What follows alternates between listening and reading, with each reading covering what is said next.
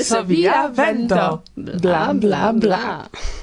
Nu, yes, ni, ni kiwi ciu kiwi estas esperantisto de iom longa tempo, alcutimiĝis al tio kai mi mem tia mi farigis presidanto de UEA en 2003 supposis che tiel dauros ĉu ne? Kai fakte mi volis eĉ fortingi la agadon en Rotterdamo per la aldono de plida volontuloi volontuloj por havi aldona in labor laborfortojn kai ankaŭ doni al esperantisto el diversa mondo partoi chanson spertigi en recta contatto con tiuj profesiaj esperantistoi tial ni acetis la voluntulan domon tiel nomatan en tiu sama strato kie trovidas la officea domo giuste por logigi volontulojn dum ili uh, laboris ceni. sed eh, la evoluo compreneble uh, eh, prenis alian voion, se, se tiel diri.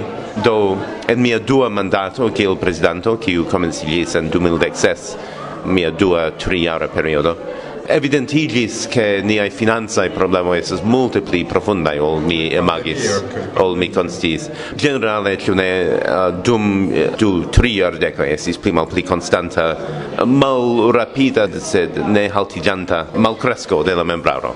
kai char la membraro es la chefa fonto de rimedo por UEA, tio anca habis sentemblan efficon al niai rimedo sed samtempe ne malcrescis niai costoi, fakte kreskis, tu ne, pro diverse hialoi. Cai do mi simple devis constati in la jaroj 2017, 2018, che ni ne plu povas daurigi lau tiu Rotterdama voio, se tiel nomi gen. Tio ne volas diri che ni devas nepre forlasi Rotterdamon, che laŭ mia compreno la nuna ideo de la esturaro estes che UEA tamen havos plu ian officeion tie, sed ĝi estas tiu pli malgranda domo, la volontula domo. Ĉu maltrankviligi au uh, eh, tamen kun espero rigardi antauen? Mi rigardas kun sufiĉa espero, ĉu ne?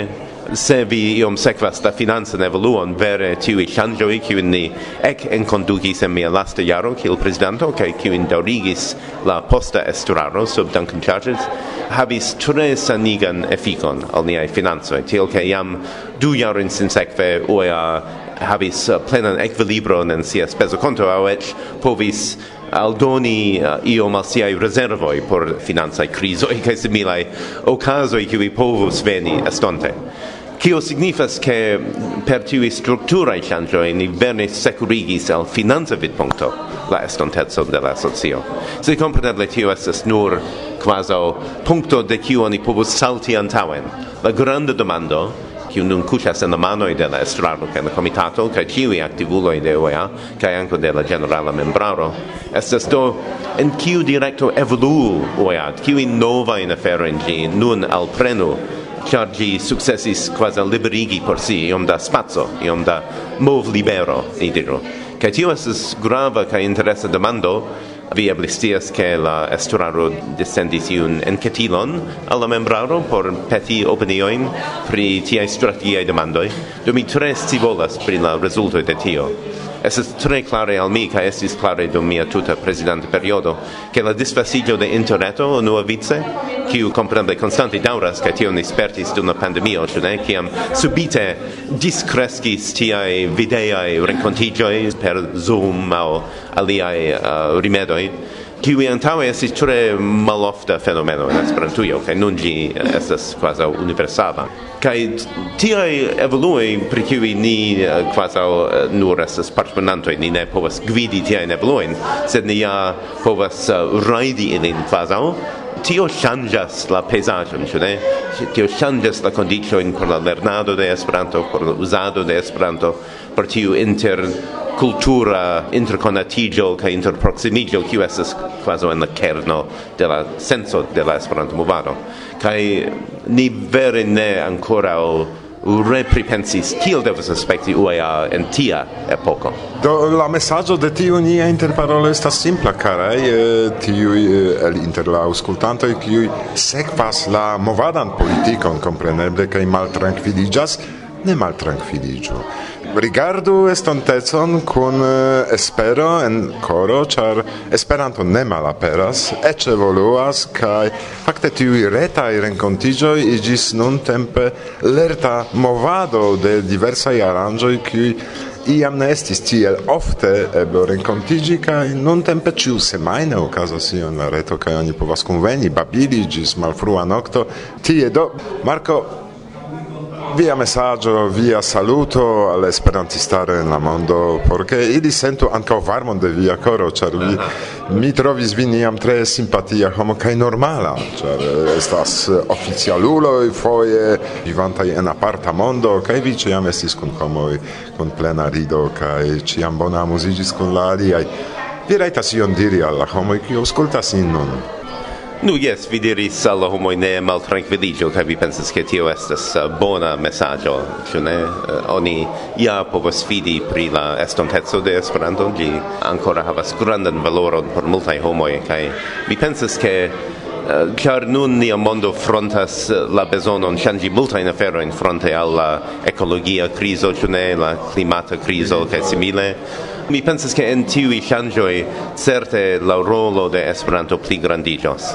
Char tiu dauripova mondo, pri kiu oni parolas, ĉu ne, certe estos mondo multlingva, kai mondo en kiu pazzo kai justezo devas esti iel pli aktive kultivata de la homoj kai kompreneble juste tio estas mondo kie Esperanto povas plej bone prosperi kai gaini pli da uzantoj do mi vere esperas kaj imagas ke ke ni ĉiuj iel kontribuos al tiu vojo en la direkto al tiu mondo pli paca pli justa kaj pli ekologie sana ni diru Mi povas nur aldoni bla bla bla bla bla bla. Dankon. Gis uh, estis grande plezoro.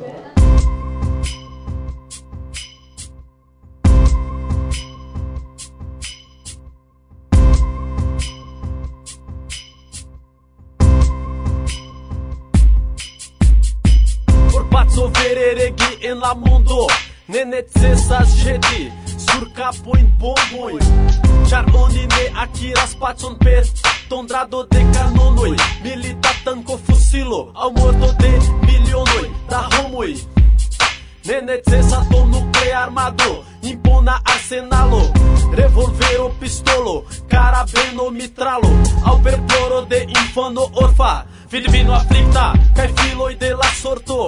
Debone naskita timer tema coro Cai mudo, turmento, vecrio, malgioio, agresso, malcontento. Čutio dola vivo, postniloj da e aro no reklivo. Ne, mi ne volas, decide credi che... La e sin malama sin de truas cae que ancorou em coro, milito forte bruas Ĉu ne estas pli facile ĵeti korojn Iom da espero ol sin armi per kolero Homaro, infana raso Raso infana, mi volas vin. Humana, sana, pro tio mi petegas ke. Permesu, ignoru en la coro la espero que la tuta mondo Cantu canton con sincero La vivo estu gioio, estu tilo, estu grazzo Duregu pazzo Perverso, che floru en la coro La espero che la tuta mondo Cantu canton con sincero La vivo estu gioio, estu tilo, estu grazzo Duregu pazzo yes. Dai, longe attende? Che io? Demandis min filino mia. Mi silentis Fairon interne Mi forte sentis. Tiui vortoi shiris mian koron Doloro Ploro.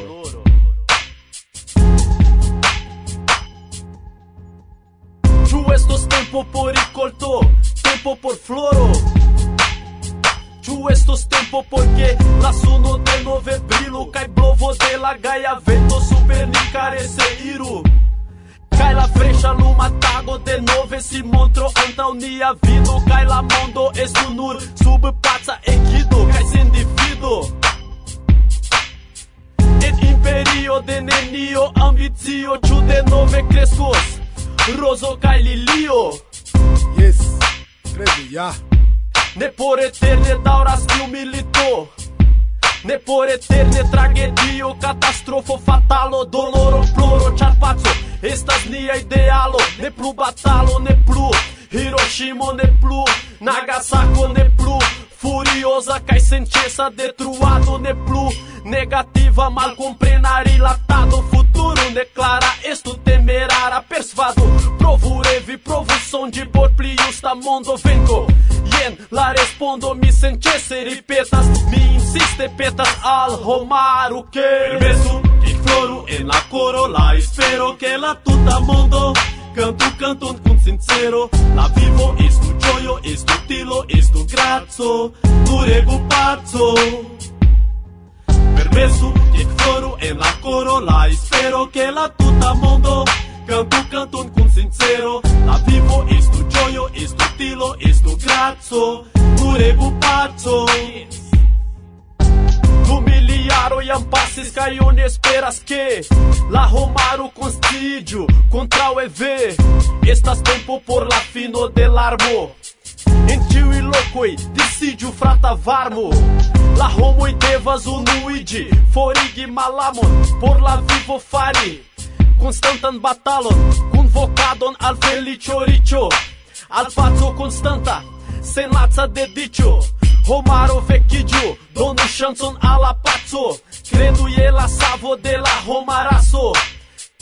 Ne blindidio, realas la dangiero, estupazzo inter la homo e sur latero. Ne gravas credo, al tricolor orasso. Ne che gravas, socia classo.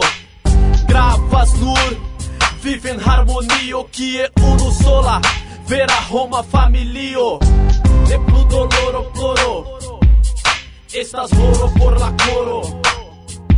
De plu doloro ploro Estas oro por la coro. Permesu que floru en la coro La espero que la tuta mondo Canto, canto con sincero La vivo estu gioio, estu tilo, estu grazo. Durego pazzo primer beso que floro en la corola. Espero que la tuta mundo Canto, canto con sincero, la vivo, es tu gioio, es tu tilo, es grazo, tu pazzo. Yes. Dolor, oro, por la coro. Es dolor, coro, estás oro por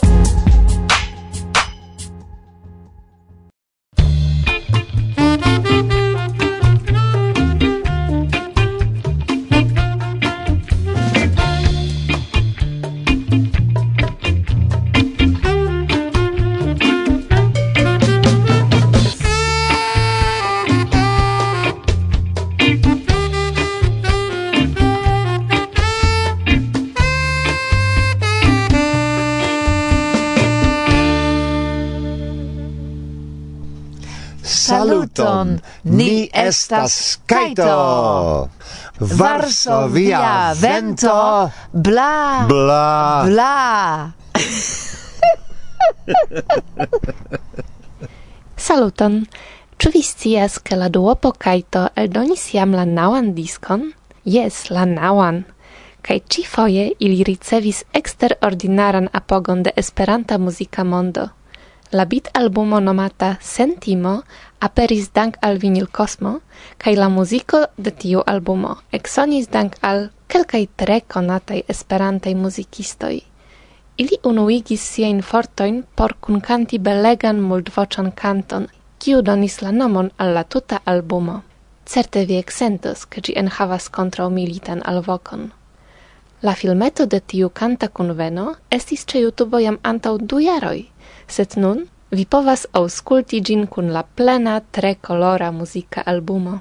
Krom tiu canto, kiun mi priparolis, la albumo consistas el dec kvar aliai cantoi, en stilo tipe kaita, sed pli rica.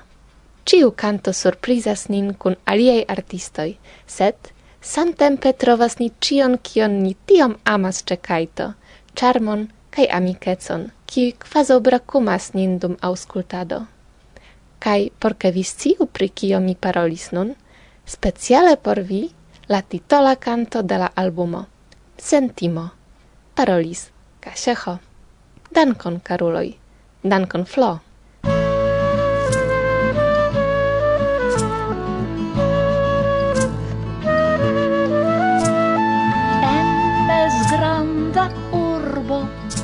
naskiĝis kaj logis la knab occupata ciam per ludo lassù nen la ca tiel grandigis la knab parolado in tri soldatoi cae milito audis la knab racconto in pri armiloi grenadoi pri la occupata ne comprenis la knab. Liberai estis ni, sed de la milit, la ehoi, la ombroi, la sombrai memoroi, ancora pesis ceni. Oni tiroin audis mi, persecutado, esplor demandado, timegigado, torturado, murdado, nerealai onidiroi por mi, tion audis mi. Emociigis mi. Ne comprenis mi. Terrorigis li,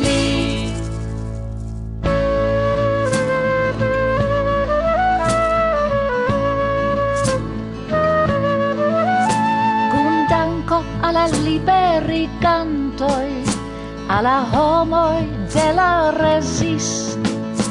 La knabo sin sentis secura, li vivis sen zorge, sen risk, kiel juna optimist.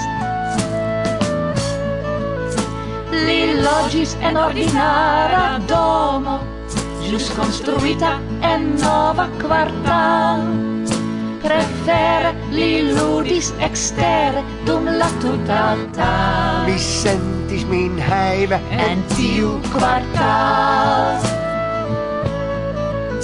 En vento kaj pluv rotacis mia turb kai brillanta kiel stelo regis en la cielo mia kite per perfekta da flug et oso tranquilla mi pensas pri tio cun danco sen lima. Danko sen fina Kai tial mi tiras, kai mi vere desiras. Lasu ge knaboin petoli spontane Kuregi kai dansi, salti kai canti. Cia ludat estas right por infan te tranquille. En passo passo Kai vere sentime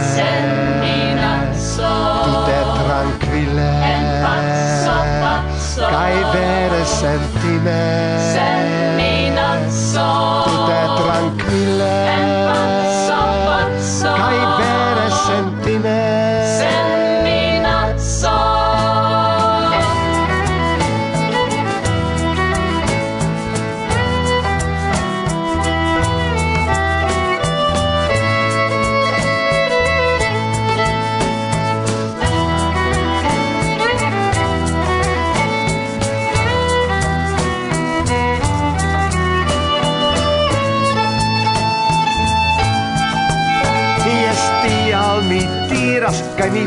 desiras. Deziras Lasu ge knaboin petoli spontane. Kuredi kai dansi, salti kai canti. Estas right por ciu infan. Tutte tranquille. En passo, passo Kai vere sentime. Senti lasso Tutte tranquille. En passo, passo Kai vere sentime. Senti lasso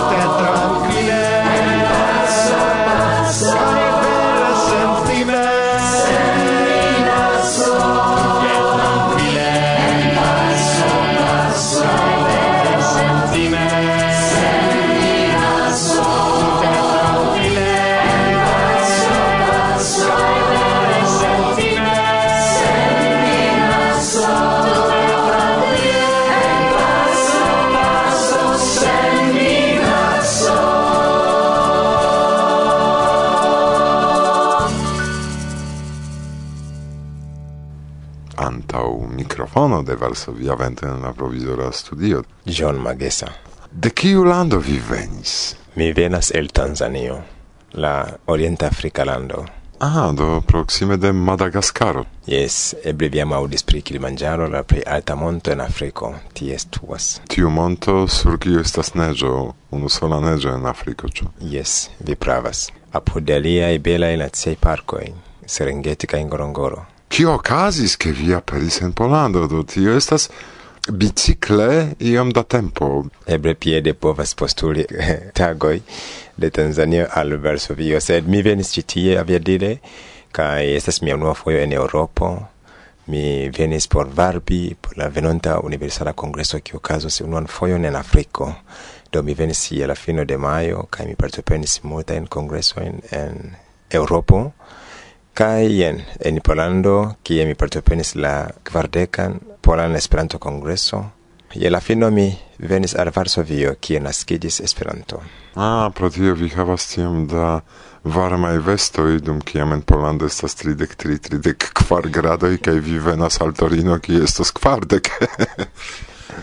Kompreneble. Bone, imagu, che mi, kai imago che ankaŭ multaj el inter niaj aŭskultantoj ne nur en Tanzanio ne estis, ne estis en Afriko.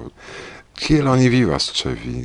Eble mi pensas ke multaj homoj havas alian povas esti eble negativan pensmanieron pri Afriko kaj eble pensas pri malsato, eble malsano kaj tiel plu.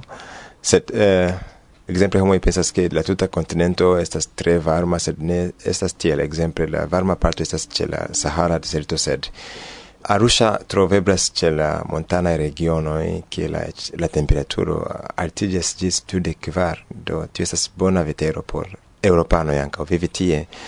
Sed eh, alie homo eble pensas che e logias en l'arbaroi cae kun sovagiai bestoi, povas esti ĉar estas homoj kiuj zorgas pri bestoj ĉefe masaj homoj la plej bela kulturo sed eh, estas ankaŭ aliaj belaj grandaj urboj en Afriko, ekzemple en Tanzanio Dar es Salaam la ĉefekonomia urbo kiu kuŝas apud la Hinda Oceano, aliaj belegaj urboj ekzemple Mwanza kie ĉio estas en ordo. La kulturo estas tre bona, ĉar Tanzanio havas pri cent kaj tridek tri lingvoj kaj ĉiu etna lingvo havas specialan kulturon. Do ni invitas homojn al Afriko ke ili venu kaj spertigi la veran vivon de afrikanoj sed ili ne pensu nur negative, ĉar Afriko estas tre bela. Do venante al Eŭropo mi trovis aŭ mi malkovris alian kulturon kiun mi neniam spertis, do la vivmaniero, la mangiaggio ancau exemple de Polando, de lia Europa lando e interesigis min. Do la kulturo estas diversa, sed ni ciui vivas pace cae cune. E io shockis vin citie, che estas tutte alia ol vi imagis? Mi ne povas compari tiuin urboin, exemple urbo in cae la e char ciui urbo havas siain specialain beretsun, mi povas dir tion, sed Um, pri Varsovio mi tre ŝatas la urbon, ĉar uh, mi vizitis la urbon kaj trovis la tombo de uh, la majstro Zamenhof, kiun mi aŭdis pri eĉ kiam mi estis infano de mia uh, instruisto e mia patro kiu instruis min Esperanton. Do kiam mi atingis ĉe la tombo de Zamenhof, Vere mi sentis che mi estas en Polando kaj Varsovio kie naskiĝis Esperanto. Krom tio ankaŭ aliaj belaj ĉe la centra parto de la urbo kie la Varsovio vento ventumas ankaŭ tio tre ĝojigis min uh, en Afriko ekzemple en mia lando Tanzanio estas trajnoj tiuj uh, modernaj trajnoj sed ni ne havas subterajn trajnojn do por mi subteraj trajnoj estas nova uh, sperto mm. kaj ege ĝojigas min ankaŭ ĉar ĝi estas tre rapida kaj konektigas eh, diversajn lokojn rapide. Do ĝi estas bona afero kiun mi vidis. Nia kara amiko, kiam eh, atingis la monumento tombon de Ludovico Zamenhof, sidis apud, rigardis gin, kai komencis canti laute, mi volas danki vin, signoro Ludovico, Tio estas amo al Esperanto, caraj. El kiuj cirkonstancoj vi esperantistiĝis? De kie vi eksciis pri Esperanto? Mi aŭdis pri Esperanto, kiam mi estis infano de mia patro, ĉar li parolis Esperante kaj mi ne interesiĝis ĉar eh, ĉe nia lernejo ni uzas anglan kaj swahilan, do ĉiam mia geinstruistoj insistigis min lerni anglan, ĉar eble povas dungi al mi laboron poste au mi eĉ eble pas miajn ekzamenojn do mi, ne, mi tre ŝatis anglan ol Esperanto. Sed poste kiam mi estis ĉe la universitato mi legis kaj malkovris ke Esperanto estas tre bona lingvo kaj ĝi konstruas la ponton al la mondo. Pro tio mi decidis serioze lerni la lingvon kaj poste mi eĉ instruis Gis nun mi instruas la lingvon. Do poste mi eh, elektiĝis kiel la komisionano de la Afrika Komisiono pri Universalaj Kongresoj, Turismaj Agadoj, Revivigo de lokaj kluboj kaj instruado ankaŭ. Kion oni interesan eh, sci ancora pri Tanzanio? Do vi mencis pri mangiajo, do mi iomete scherce eh, babilis pri voyaggio sur elefanto. Shaine eblas ce vi, ĉu ne? Estas tiu excursoi sur elefantoi? Ja, ja, tre, tre bela serĉo. Do, Taxio! Eble Tanzanio estas un el la plej pacaj landoj en la mondo. Ĉar eĉ la ĉefa ekonomia urbo Dar es Salaam signifas paca loko kaj la enloĝantoj estas ĉarma kaj gastamaj homoj. Kaj Tanzanio havas belegajn kaj multajn naciajn parkoj, kie vivas sovaĝajn bestojn, eĉ elefanto, tamen oh. tamen ne ne ne ne ne ne sidas sur ĝi. Ah, leono kaj eh, leopardo kaj aliaj estas en Tanzanio. Do vi jam eble aŭdis pri tri el la sep mirindaĵoj de Afriko ĉiuj estas en, en Tanzanio. Uh, safari uh, Serengeti migrado kie tiuj sovaĝaj bestoj ĉiam migradas de Tanzanio al Kenio kaj ĉiam iras tie por uh, gravediĝi kaj revenas al Tanzanio por naski. Ĉiam migradas tie do alia eh, aferoj kiel Ngorongoro kratero kie sovaĝaj bestoj kune kun hejmaj bestoj vivas pace. Do tio vere uh, farigas Tanzanion, la vestinda lando, kiun vi devas veni kaj viziti tiun landon. Pri infrastrukturo, aviadilo, aviadilo povas atingi la landon, buse estas modernaj busoj, do, ĉio estas en ordo, Tanzanio gastigas vin ĉiuj. Ĉu ĉe vi, same kiel ĉe ni, homoj biciklas ĉiu taga laborejo kaj ren? Uh, la situazio ne estas tiel simila, ĉar en Europo eĉ se iu estas riĉulo povas bicikli kaj tio estas normala, sed en Afriko uh, liĉaj homoj ĉiam uzas ah, uzas aŭtojn, sed ne ĉiuj li ankaŭ biciklas elante al, al siaj laboroj, do estas multaj homoj kiuj biciklas, do eĉ tiuj biciklantoj estas invititaj, ĉar ni ankaŭ planas organizi tion porque ec exter tanzaniano e giù la cesto en Tanzania biciclante Ĉu eblas lui biciclan en Tanzanio por uh, organizi bicicladon tie? Yes, yes, yes, estas multaj bicikloj kiu ni povas lui. Bemi anoj aŭskultu nun oni povas uh, organizi karavanon en Tanzanio kaj ĉirkaŭiri la landon. ne scias ĉu kun hundo kune aŭ sen hundo sed bemianoj kaj ĉiuj kiu ŝatas bicikli noto tion en memoro ke en Tanzanio ne estas sesdek gradoj en ombro sed tamen milda temperaturo kiu ebligas al ĉiuj komforte bicikli certe Profesie pri kio vi okupiĝas? Mi estas instruisto, profesie pri angla kaj geografio.